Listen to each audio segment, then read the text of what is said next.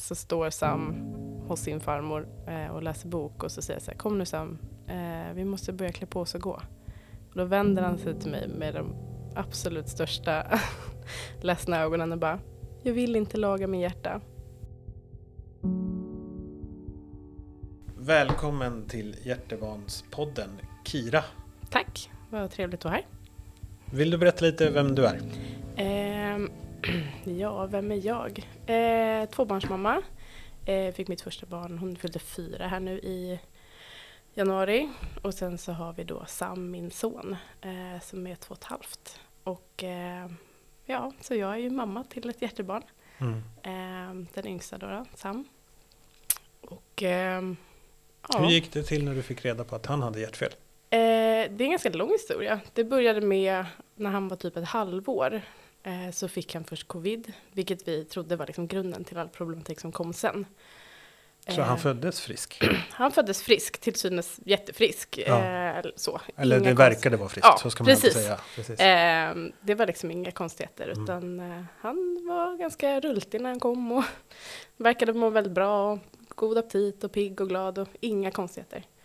Men runt halvåret så fick han covid och efter det så hade han en hosta som liksom följde med honom. Eh, och då började han också dala lite i vikt. Eh, lite säger jag, men jo men det höll på ganska länge. Men det Mm. började först ganska milt liksom. Eh, så att man började med så här, tillsätt raps i allt ni äter typ och så. Mm. Men sen så eh, hjälpte inte det så mycket och man kollade upp honom för lite allt möjligt. Eh, diabetes, cystisk fibros. Hittade ingenting, inga allergier, inga konstigheter. Eh, så vi hade en dietistkontakt som vi höll på med ganska länge. Jag tror att som mest så åt han fyra eller fem tillskott. För att han liksom aldrig gick upp. Eh, han alltså, höll sig på samma vikt så att han gick inte ner. Eh, men det hände liksom ingenting. Så lagom till när han, ja, sommaren innan han skulle fylla två så var han ungefär lika stor som en nio månaders fortfarande. Och han fick nässelutslag helt liksom oberoende av någonting annat. Eh, som gick upp i ansiktet, vi var på akuten och sen så kollar man upp det efteråt. Då får man liksom en åter, återkallelse till barn och ungdomsmottagning bara för att kolla upp det. Och då när vi är där så näsutslagen var borta. Men då sa läkaren där att så här, oj men eh, jag hör ett blåsljud på hans hjärta. Har ni hört det innan? Och jag bara nej det känns som någonting jag borde kommit ihåg eh, under alla de här läkarundersökningarna som vi varit på. Var det första gången ni hörde någonting om hjärtat? Första gången. Eh, de hade inte ens, det hade inte ens varit på tal innan Nej. överhuvudtaget. Ehm, så då kunde och kolla i journalerna, dubbelkollade bara så att det inte var någon annan som hade hört. Lyssnade lite igen och så sa hon så här, vet du vad, eftersom att han är så liten så kommer jag att skicka en remiss till ett ultraljud på hjärtat bara. Ehm, hade det varit liksom en annan situation där han hade varit fullt sin kurva så hade vi ja, inte gjort någonting åt det. Men eh, nu tänker jag att som en säkerhetsåtgärd så gör vi det. Ehm, så att vi fick en remiss till SÖS. För det var de som hade kortast tid. Eh, Södersjukhuset i Stockholm. Då fick, det var i juni och remissen var till slutet på augusti. Och vi tänkte inte så mycket på det under den sommaren. Vi kämpade på med våra tillskott och sådär. Och hade väl någonstans lite sett, eh, de kommer inte hitta något. De har inte hittat någonting någonsin liksom. Och vår läkare hade varit så här, det kanske bara går över. Ni kanske aldrig får veta varför han har haft den här problematiken.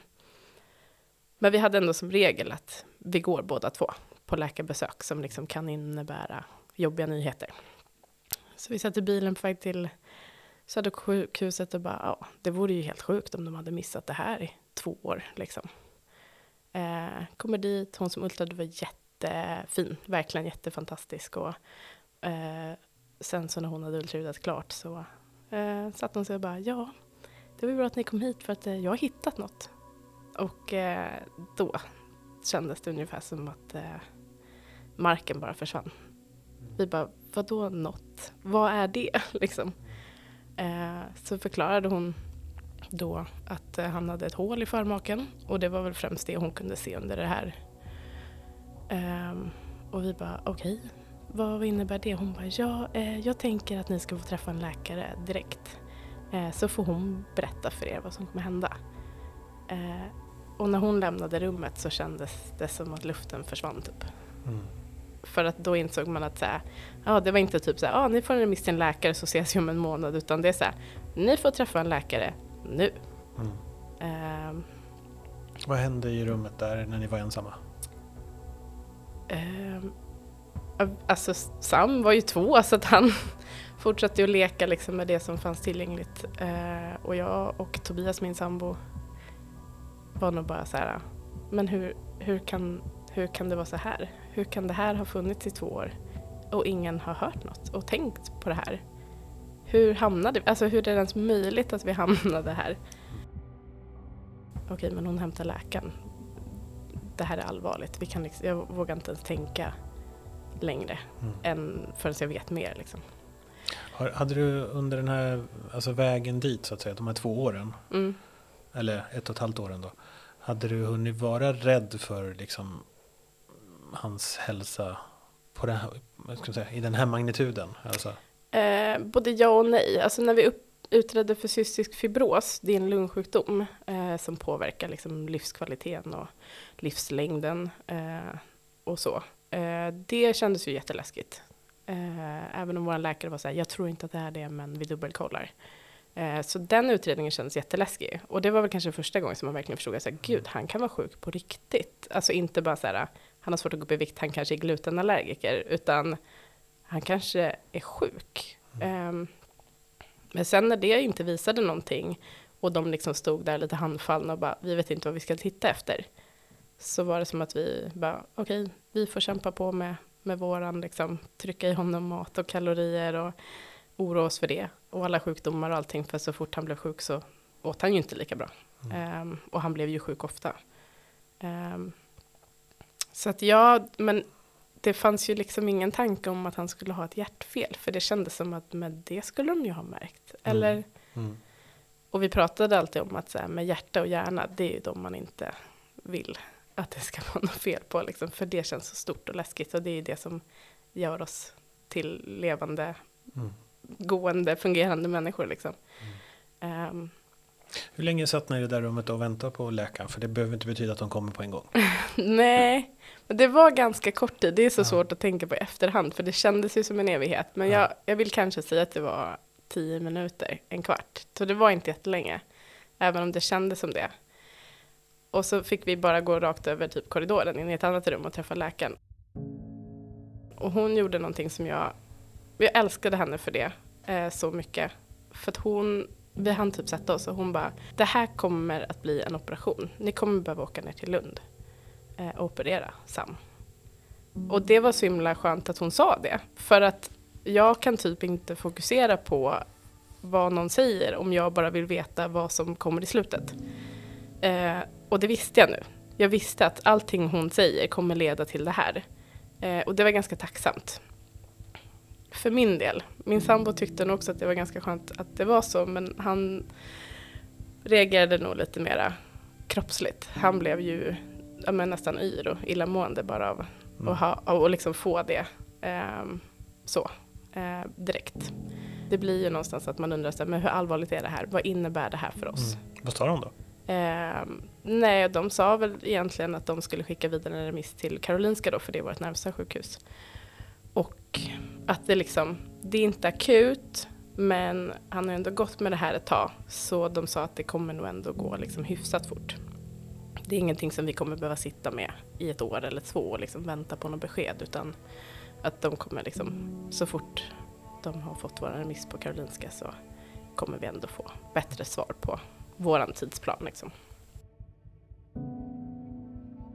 Ja, alltså direkt efter eh, besöket på Södersjukhuset så var det liksom lunchtid. Eh, men vi, typ. Eh, så vi tog en promenad på Söder. Vi bodde på Söder innan vi fick barn och även när vår första föddes. Så det känns lite märkligt att vara tillbaka i gamla kvarter men med liksom ett helt annat liv och också jättejobbiga nyheter. Och vi gick väl bara och pratade igenom lite vad, ja men, hur det kändes att få veta det här. Och lite, ehm, ja men till slut kanske ringde till våra föräldrar och berättade. De visste ju om att vi skulle på det här. Ehm, och lite så. Eh, åt en väldigt stillsam lunch. Mm. Där det liksom ja. Var det tystnad? Ja, eller vi hade ju som sagt en tvååring med oss, så han är Ja, ju aldrig, tyst. aldrig lugn och tyst. Men, Mm. men mellan oss så var det nog eh, ganska tyst. Bara så här, nu fokuserar vi på att typ äta lite mat med våran Mm. tvååring och så Mm. låtsas vi som att det bara är en lunch på stan typ. Ehm, ja, nej den veckan var... Jag tror att jag satte mig lite på paus och bara så här, jag behöver höra eh, vad det är som Alltså vad, vad är det som är mer? För de berättade också att ja, vi kan se det här hålet, men det betyder också att det kan vara lite fel på klaffarna. Men det kan, har vi liksom inte kunnat se nu, utan det kommer de titta vidare på. Mm. Ehm, så det gick väldigt fort sen. Eh, vi fick faktiskt en tid på Karolinska typ veckan efter. Och då Mm. ringde de till mig och sa så här, hej, ni har fått en tid. Vi vill bara meddela er om att så här, det betyder inte att det här är urakut, utan vi råkade ha en tid. Så då kom vi dit, fick träffa vår läkare. Eh, jättebra, eh, verkligen. Och ehm, han, de, de mantrade nästan liksom för oss att, att det här är inte urakut. Men vi vill prioritera er just för att vi ser att hans kropp ändå kämpar med det här ju, i och med att han inte går upp i vikt. Ehm, och det här var ju i, då hade det väl blivit, ja men om det var slut på augusti eller september och vi pratade om det här med, ja med sjukdomsperioden som liksom blir under, under vintern att de ville gärna att vi skulle hinna operationen innan för det är mycket Mm, just det. svårare att få till Eh, när det går magsjukor och allt möjligt eh, senare. Så vi blev ganska snabbt liksom inkastade i den här eh, processen att, att bli upplockade på den här eh, konferensen som de har, liksom, hjärtläkarna, för att sen skicka iväg ärenden. Um, så vi fick en tid ganska fort. Uh, redan 2 oktober tror jag att vi fick en operationstid. Um, och det var lite tur, min sambo har ett väldigt flexibelt jobb eh, så han fick ju ganska direkt meddelad om att så här, det kommer vara en period när jag är borta. Ehm, och det kommer behövas mycket jobb hemifrån. Och jag pluggar. Och ehm, ja, Eh, det gick väldigt fort. Man känner i efterhand att man bara, gud, vi hann knappt liksom förstå Mm. vad vi hade blivit inkastade i innan vi liksom stod där i Lund. Och, och skulle göra någonting jättestort och läskigt. Men när man, gör, när man reser då till Lund, en sån här grej, då är det ju inte, det inte akutflyg och helikopter eller? Nej, precis. Alltså, nej, vi åkte ju bil ner. Eh, och det var liksom inga konstigheter så. Barnen skötte sig exemplariskt i bilen, det var ju också Mm. tacksamt. Var ni rädda? Eh, ja, det var vi nog. Det Mm. skulle jag ändå säga. Pratar ni om det? Ja, ganska mycket.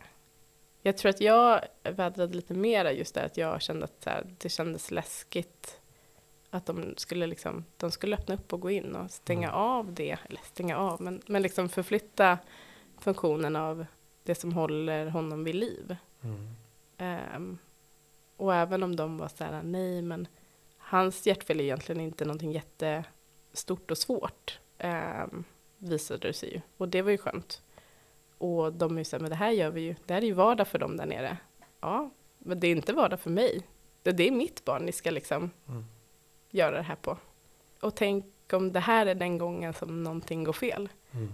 Men när ni kommer till Lund då, hur funkar det då? Då är ni, ligger ni inne en stund innan operation också? kanske? Ja, alltså när vi väl kom till Lund så strulade det till det rätt ordentligt för oss. Det var ju väldigt tacksamt. Vi, eh, vår, jag ska verkligen säga att vår familj också samlades så himla fint kring oss eh, när vi fick det här beskedet. Och när det liksom blev ganska tydligt att vi skulle behöva åka ner till Lund. Och alla våra familjemedlemmar försökte ju komma med någon bra lösning för att hjälpa oss på det sättet de kunde. Min mamma kom med ett förslag om hur, vi har ju också till barn, eh, så det, det blir ju en ekvation liksom. Mm. Ehm, så min mamma sa så här, hon kan bo hos mig, det löser sig liksom. Hon får följa med mig till jobbet, det är ingen fara. Ehm, min mamma var på förskola så det hade ju varit ungefär samma för, för den äldsta. Men, eh, och sen sa farmor så här, jag pratar med mitt jobb, eh, jag följer med er. eh, Om ni vill det. Och det, det var så himla fint att de, helt utan att vi frågade, bara kom med praktiska lösningar och sak- sätt att hjälpa oss. För det är svårt att be om hjälp och det känns jättestort att be om, om hjälp om någon, om liksom, kan du ta hand om mitt barn i typ två, tre veckor medan jag tar hand om mitt andra barn? Eh, Det är en ganska stor tjänst att be om. Mm. Ehm, och även om man liksom vet att de hade säkert sagt ja så är det jobbigt att, att be om det. Nej men så vi kom ner eh, till Ronald McDonald och eh, på tisdagen, jag kommer inte ihåg vilka datum det är, men på tisdagen i alla fall den veckan som man skulle opereras så hade vi inskrivning och då är det liksom det är ultraljud och det är provtagningar och det är ditten och det är datten och det är information. Och det, vi hade hel dag på sjukhuset medan eh, stora syster och farmor hittade på annat. Och eh, det enda vi hade kvar var att vi skulle träffa kirurgen och det var de så här, ja men vi hinner säkert med det imorgon. Eh, för att han skulle börja på torsdagen. Och på onsdag morgon eh, så kräks Sam direkt efter frukosten. och det eh, var ju, ja, det var verkligen, eh, då kände vi bara så här, vad är det här? Var kom det ifrån? Alltså vi har inte ens, vi har typ inte träffat folk eh, Mm. mer än att vi var på sjukhuset igår. Mm. Och bara, det kanske bara var en gång. Jag vet inte. Så. Och så eh, ringde vi till sjukhuset och berättade det. Och då sa de så här, okej, kräks han inget mer, eh, ska ni få komma in så kan vi bara ta en liksom, infektionssänka på honom. Eh, dubbelkolla läget liksom. Men så kräktes han några gånger till. Och eh, vi blev ju satt i full karantän i Ronald McDonalds-huset i vårt lilla rum. Ehm, såklart, för att alla som är där är ju antingen inför en operation sjuka Mm. liksom, på, på andra sätt eller Infektionskänsligt då. väldigt Ja. infektionskänsligt. Mm. Eh, så det är verkligen så här, lås och bom på vårt rum, där får ni vara nu Mm. eh, tills vi vet mer. Så vi fick liksom, de som jobbade där fick ju servera oss middag liksom in genom dörren på brickor. Mm. Och, Blev ni också sjuka? Eh, nej, Det började inte snurra mellan er? nej, nej, gud nej. Eh, nej, och så samma dag så fick vi ändå liksom beslutat då att vi kunde inte vara kvar på Ronald McDonald eh, för att det var för infektionskänsligt. Eh, så sjukhuset löste en, ett lägenhetsboende till oss Mm. eh, en bit ja, i Lund fortfarande, men eh, n- kanske två kilometer bort. Eh, så vi fick packa upp våra grejer och åka dit. Och eh, typ lagom tills vi landade där så var ju Sam sig själv igen. Mm. Eh, inga konstigheter. Kräktes inget mer, mådde hur bra som helst, ville äta middag. Det var liksom ja, som, som inget hade hänt. Nej, vad Eh, jobbigt. Fruktansvärt jobbigt. Ja. Eh, och vi var typ så här, ja, och då hade vi ändå vi hade skickat in en, en liksom odling på hans eh, kräk. Gud vad trevligt. Men ja. Eh, för att de skulle kolla då eh, om det var liksom var magsjuka, för då hade vi väl blivit hemskickade kan jag tänka mig. Men den Mm. visade ju ingenting heller. Så antingen så var det ju någonting han hade ätit, Mm. eller nervositet. Mm. Alltså, han är ju ändå två och han, vi hade ju ändå pratat om. Mm. Eh, Vad hade ni sagt till honom? När han, han är ju lite för liten för att förstå. han är lite li- för liten för att förstå. Men Eh, jag förstår kanske mer ändå. Precis, det är verkligen i den här liksom, Mm. eh, åldern där det är han är inte för liten så att han, man inte vill prata med honom om det. Mm. Men samtidigt så är det jättesvårt att förklara. Eh, vi hade väl mer eller mindre sagt att han behövde laga sitt hjärta. Mm. Att det var ett hål i hjärtat. Och att han behövde laga det. Mm. Och att doktorn skulle göra det. Liksom. Och mer än så var det svårt att Mm. riktigt förmedla. Mm. Vi hade köpt eh, boken, den här eh, Fjärilen Rosali. Mm. Eh, den läste vi lite grann för att ändå ge någon liten inblick i vad det liksom, Mm. skulle innebära. Men eh, nej, så då, då hamnade vi i, vi kallade det för limbo. Eh, det var en ganska jobbig period där vi liksom fick veta att de ville jättegärna att vi stannade kvar. Eh, för att de säkert skulle hitta en tid till oss veckan efter. Mm. Men de kunde liksom inte ge några besked. Så vi bodde i lägenhetshotellet några dagar. Ehm, det var lite skön andningspaus Mm. eh, och komma ifrån Ronald på så vis. Eh, eller vi kände ju det när vi blev inlåsta i det där rummet, att det kändes ganska klaustrofobiskt. Så det var Mm. skönt att, att komma till ett boende där vi kände att här är det liksom inte liv och död om, vi, om det skulle vara att vi, vi är snoriga eller om, om det faktiskt är så att innan vi fick veta att det inte var något. Mm. Ehm, men sen så fick vi en operationstid fredagen veckan efter och fick flytta tillbaka till Ronald.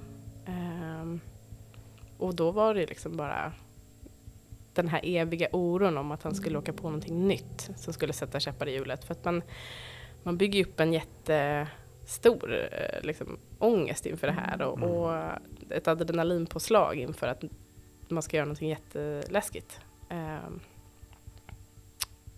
så då var det bara så att det får inte hända igen. Alltså jag klarar inte av att och liksom, eh, bygga upp inför det här och sen så händer det inte. Men mycket riktigt, eh, jag tror att det var på torsdag morgon kanske, så hörde de av sig och sa hej, vi har fått in någonting akut så vi kommer inte operera sen på fredag. Mm. Limbo igen. Och det var jättetufft. Det är väl någon slags, alltså, man, det är ju adrenalinpåslag och man är redo för någonting ganska, Ja. ganska stort. Mm. Och sen tas liksom målgången ut bort, eller starten tas bort egentligen. Ja, verkligen. Alltså, det var så många parametrar. Det var ju liksom känslomässigt, det var ja, logistiken. Mm. Som sagt, vi hade med oss farmor. Vi hade, jag hade ändå liksom sagt att jag skulle vara borta en viss tid från skolan och det skulle lösa sig. Tobias var borta från jobbet. Och det kändes som att allting bara rann Mm. ur fingrarna på oss. Mm. Allting som vi liksom hade förberett och fixat mentalt, emotionellt, det bara Det går inte att planera så. Nej. Det, är också, det blir många saker. Det blir en ekonomisk fråga, det blir en, en tidsfråga, det blir eh, en liksom planeringsfråga. Ehm, så jag ringde min mamma den dagen, kommer jag ihåg, och bara grät och grät och grät och grät. Och bara, jag klarar inte av det. Jag orkar inte. Jag vill bara lägga mig platt Mm. och jag vill inte göra det här något mer. Och jag inser att jag kan inte göra det, för att jag kan inte göra det för mitt barn. Liksom. Men ja, på något vis så står man ändå där. Mm. Ehm, Hur länge fick ni vänta den här gången då? inte så länge och det var det som var så lustigt för att då på torsdagen eller fredagen så eh, tog farmor tåget hem då, då för att hon har även en, en hund hemma som Mm. bodde hos hundvakt. Mm. Eh, så då kände hon att det är svårt för mig att Pusslet. Ja men liksom på oviss tid, för de, då kunde de ju inte ge oss något besked alls. De bara, vi vet inte. Ehm, så jag och Tobias och eh, Elliot och Sam eh, var kvar. Och farmor åkte hem. Och ehm, ja, man försökte liksom bara överleva Mm. vardagen och Mm. typ stå i de där blåsiga parkerna för att vi vågade inte ens, alltså vi vågade inte ens gå ut och äta eller helst, alltså gå in på affärer och Varför inte? Därför att vi var rädda att Sam skulle bli sjuk. Ja, Och att det skulle bli svårt igen, eller liksom skjutas igen då, för att han åkte på någon förkylning, eller fick feber, eller magsjuka, eller you name it liksom. Ehm, Och få ett tredje bakslag. precis, Mm. och bara känna att nu, ja, Mm. nu blir det inte alls typ. Eh, och sen på söndagen, precis när vi ska äta lunch, eh, så ringer de till Tobias min sambo och bara Hej, kan ni komma in och träffa kirurgen om en halvtimme? Vi bara, eh, ja, jo, men nu, ja, då blir det liksom, då kommer vi allihopa. Eh, för att nu är vi ingen som kan ta stora syster och vi ska precis sätta oss och äta lunch, men vi, vi kommer. Ehm, och då tänkte vi så här att, "Ah, ja, men då vill de bara att vi ska ha haft det här samtalet med kirurgen som, vi, som aldrig blev av. Eh, han typ inledde med att säga, ja, imorgon när Sam opereras. Och jag var så här, jag bara, nu hörde jag fel tror jag. Mm. Och så sa han det igen liksom, i samtal eh, kring det. Och jag bara, förlåt, eh, du har sagt imorgon två gånger nu. Har vi fått en operationstid? Han bara, ja, sa de inte det i telefon? Nej, det har jag missat. Eh, då hade de missat det, såklart. Ja. Och vi bara, eh, jaha, okej, imorgon? Han bara, ja, eh, man brukar komma in klockan åtta typ. Vi bara, eh, ja det, eh, okej. Eh, och då var det ju helt plötsligt jättekort sträcka att göra liksom den här eh, Mm. uppladdningen på.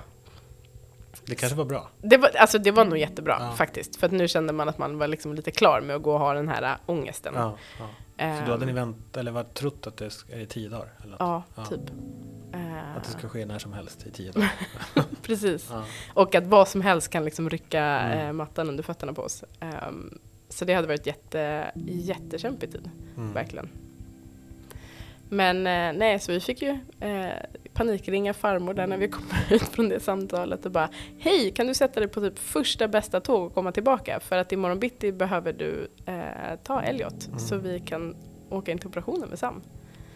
Eh, så hon fick ju packa Ja, vad säger man? Det är klart man kommer. Ja, nej Ja. gud nej. Och hon, hon bara, ja, jag har knappt packat upp så det, det är lugnt. Eh, så att hon kom ju strax efter barnen hade somnat. Mm. Och så, ja. Det var, ja, det var liksom svårt att greppa att nu händer det. Mm. Så kom operationsdagen då? Ja.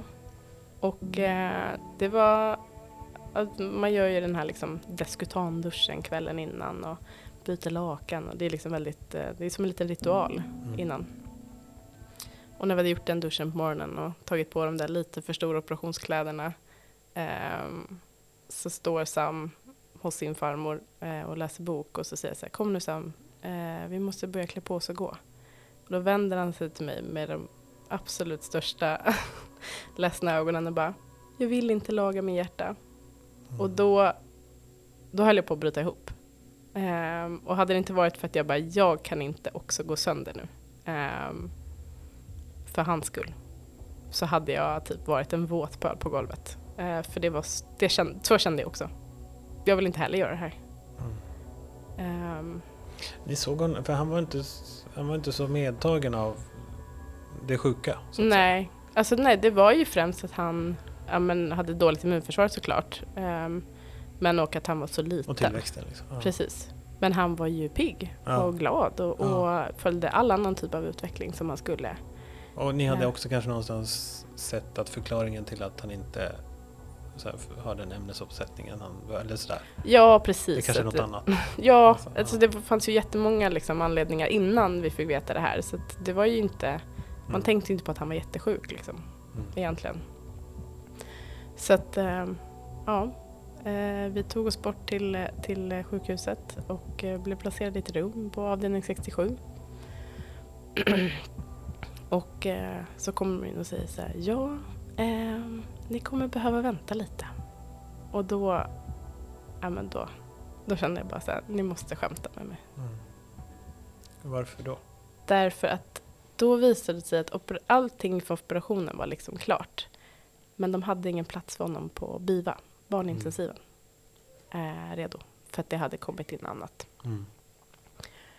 Ehm, och då kände jag bara så här, okej, men alltså ni, det, ni, får inte, ni, ni får inte göra så här. Nu, nu har vi liksom gått igenom hela den här ritualen som är att förbereda sig. Mm. Och vårt barn har fastat sen klockan två på natten eller vad det nu var.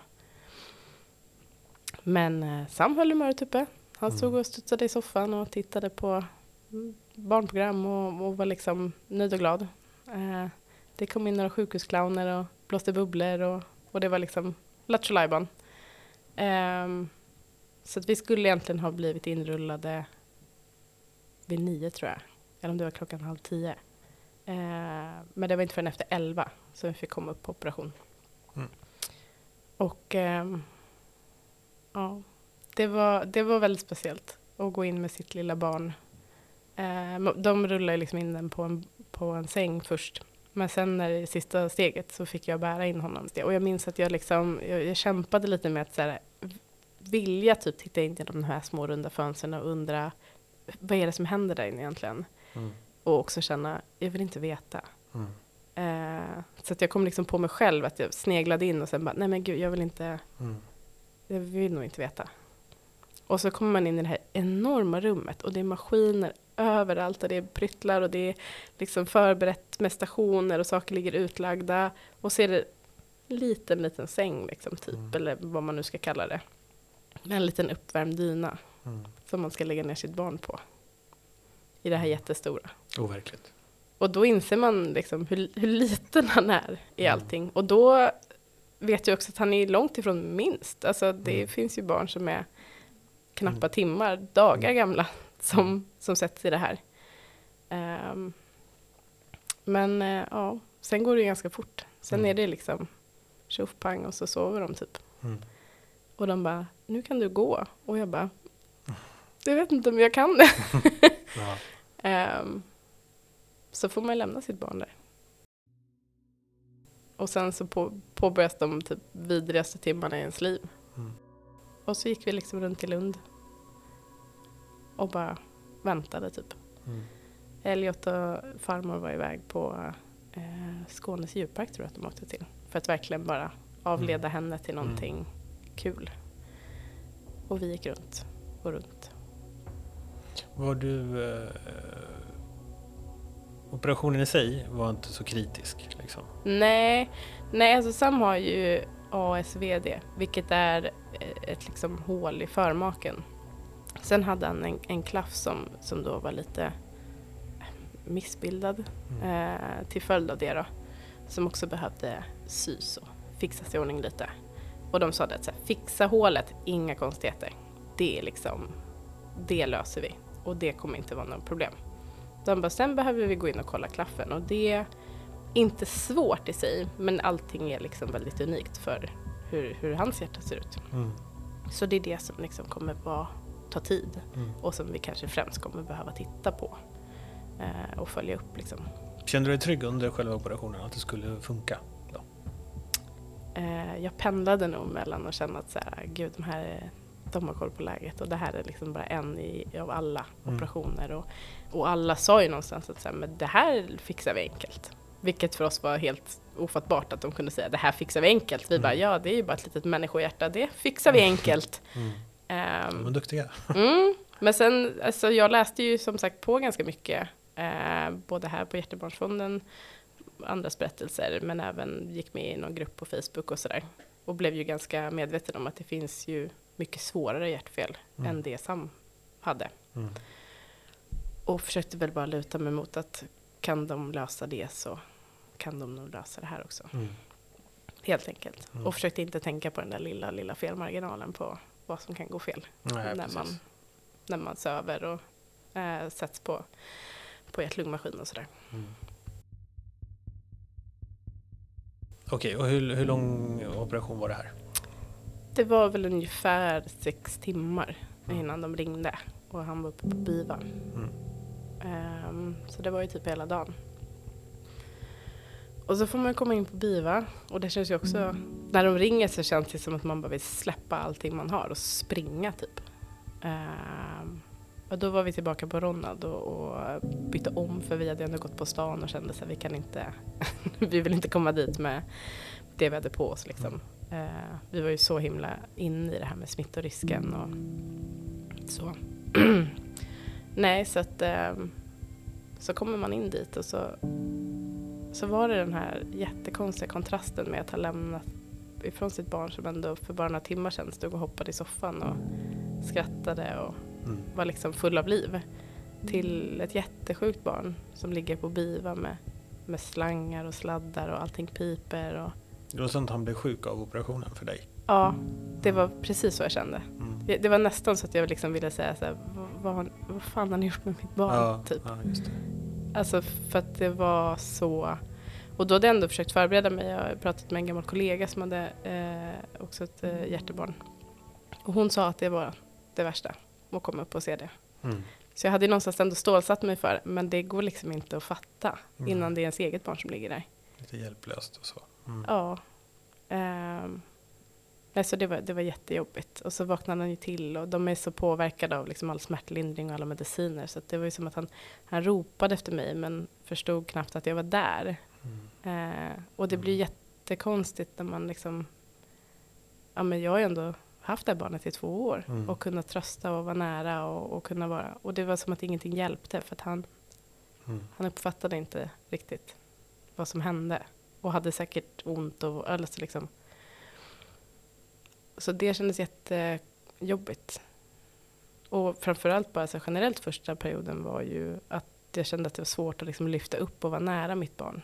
Mm. För att det var så mycket sladdar och slangar. Mm. Hur länge var det så då? Det var inte jättelänge egentligen, även om det kändes Mm. så. Ehm, de drog dränet innan han kom ner från BIVA eh, faktiskt.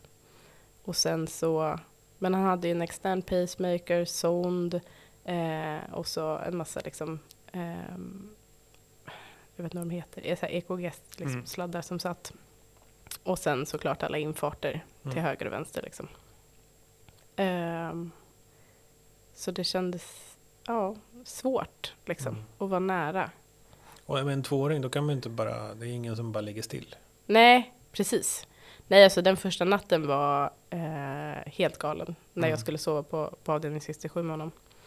Första natten. Och eh, för det första så hade han ju eh, ett personligt krig med sin sond. Mm. Eh, den skulle han ju dra ut till varje pris. Eh, sen vaknade typ en gång i timmen och eh, försökte dra ut den. Mm. Eh, jättefrustrerad var han. Och jag kände mig ju hemsk. Som fick liksom hålla i hans händer och säga nej. Mm. Och han blev jätteledsen. och sen så den natten så lyckades han ju dessutom eh, av bara ren reflex tror jag eh, vända sig om från rygg till mage och låg liksom Och jag fick ju panik. Och han fick panik för det gjorde nog jätteont. Mm. Eh, och på något sätt lyckades jag liksom ja, men, lyfta upp honom och i hela liksom, sladd och slanghärvan eh, och få upp honom i famnen. Och så fick jag tillkalla eh, sjuksyrrorna då för att de skulle hjälpa mig att reda ut allting och Mm. lägga ner honom. Och det var liksom det var, eh, fullskalig kaos eh, där och då. Och så kände jag bara så här, hur ska jag någonsin kunna sova nu? Typ så här, när jag vet att han bara helt plötsligt kan slå runt och bara, han ska absolut inte ligga på mage liksom Ja. knappa dygnet efter, efter att man har öppnat upp hela bröstkorgen. Och, ja, det är speciell alltså, tid att operera sig i verkligen. den åldern. Eh, verkligen så. Eh, nej, så första liksom, dag två och dag tre efter operation så var han ganska medtagen fortfarande och fick ju ändå ganska mycket smärtlindring och så han var ganska groggy och trött och Mm. orkeslös liksom. Och ingen aptit och, och kändes väldigt sjuk. Eh, Mm. Men sen så var det som att någonting hände. Ja men typ i slutet på dag tre, då var det som att han bara nu tror jag att jag börjar återhämta mig. så då liksom helt plötsligt så vill han sitta upp lite mer och Mm. ja, men leka lite med grejer. Och man såg i blicken att så här, ah, nu, Jag var vaken. ja. Ja. De hade ju såklart dragit ner på smärtstillande, alltså alla Ja. de tunga grejerna. Mm. Eh, så det bidrog ju. Men, eh, men bara att han klarade av det. Mm. Man tänker ju en själv liksom. Mm. Vet jag inte riktigt om man hade varit redo Mm. att kliva av eh, det starka smärtstillandet dag tre efter, efter något så omfattande. Men barn är otroliga Mm. på det sättet. Men var allting bra efter den här operationen? Ja, eh, det var det nog faktiskt. Ja. Eh, det var lite sådär första, första dagen nere på avdelning 67 som hade lite koll. Eh, för att pacemakern fick jog- jobba ganska mycket. Mm. Eh, men det är tydligen ganska vanligt för- just för att det blir lite svullet och ömt. Liksom. Mm. Men eh, nej, det var liksom ganska bra. Och Mm. lagom till dag fyra så var jag uppe och gick. Och då fick vi ändå till att de tog bort de här, eh, den här liksom dosan där de övervakade honom konstant. Mm. Eh, och hans hjärtrytm. För att det, det var ju det som verkligen gjorde det svårt att röra sig. Eh, Mm. För det var ju så väldigt många sladdar. Mm. Ehm, så då tog de bort den och han var uppe i, i lekrummet en stund och höll på med Fia med knuff-gubbarna. Och, och då var så här, ja, vi kanske får åka hem någon dag. För Mm. innan det så kändes det som att så här, vi kommer aldrig få åka ifrån. Hur, hur var det att säga hej då till Lund och vårdpersonalen där? Alltså mycket jobbigare än vad jag trodde. Alltså om det var någonting man märkte när man helt plötsligt blev inlagd på sjukhus, är så här, herregud vilka fantastiska människor det är som jobbar här. Mm. Man känner sig så väl omhändertagen, de är så fina mot en själv, eh, men också mot Sam. Nu Sam, han är ju två världens eh, gladaste i att umgås med alla. Eh, så han presenterade sig det första han gjorde oftast när folk kom in. Eh, Mm. När han väl liksom pignade på sig och sa Hej, jag heter Sam, jag är två år eh, och jag fyller i augusti. Det var liksom hans så här, inledning. Och sen, så började, sen började han liksom berätta för alla vad alla dinosaurier hette typ. För att Mm. det var hans lilla specialintresse där. Mm. Eh, och allt möjligt. Och frågade alla, alla sjuksyrror, när fyller du år? Och så liksom la han det på minnet på något vis. Mm. Eh, och började rabbla så här, mamma fyller då, och pappa fyller. Och de var ju helt så här, de bara, Mm. sa du att han var två? Jag bara, ja. Eh, Mm. han, han varit lite intresserad av det här med födelsedagar ett tag. Ehm, så att man bygger upp en liksom, relation och man är ju där några dagar och de går ju liksom, Mm. kommer tillbaka. Eh, även om de inte är där dygnets alla timmar, alla såklart. De går ju Mm. på skift men man lär ju känna igen alla ansikten. Mm. Och, Kändes det otryggt att åka därifrån? Alltså som att lämna mamma och pappa eller något sånt där? det, kän, ja, men det, kän, alltså det kändes typ lite vemodigt ändå. Ja. Ehm, gjorde det. Det kändes också lite sådär, eh, ni vet att han är nyopererad. Ska vi, ska vi ta hem det här barnet? Kan, Mm. kan vi ta hand om honom? Mm, just det. Eh, vad gör vi om någonting händer? Liksom? Mm. För det går ju ganska fort från att han är väldigt konstant övervakad till att bara, ja, Nu då kan ni kan du åka. hem. Ja. nu drar vi allt, eh, liksom alla sladdar och slangar och så kan du åka hem sen dagen efter typ. Man bara, eh, okej. Mm. Mm.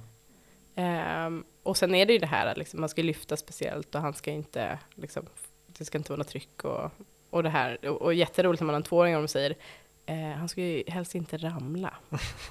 och vi bara, mm, Mm. tack, vi har världens klumpigaste tvååring. Det var ett enkelt uppdrag.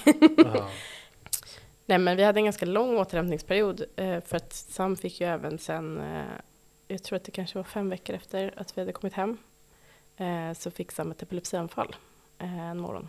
Mhm. Jag vaknade av att han liksom bara krampar och är Mm. fullkomligt borta. Liksom. Och då trodde jag att han skulle dö. Då trodde jag att liksom, nu är det hjärtat som bara har gett Mm. upp.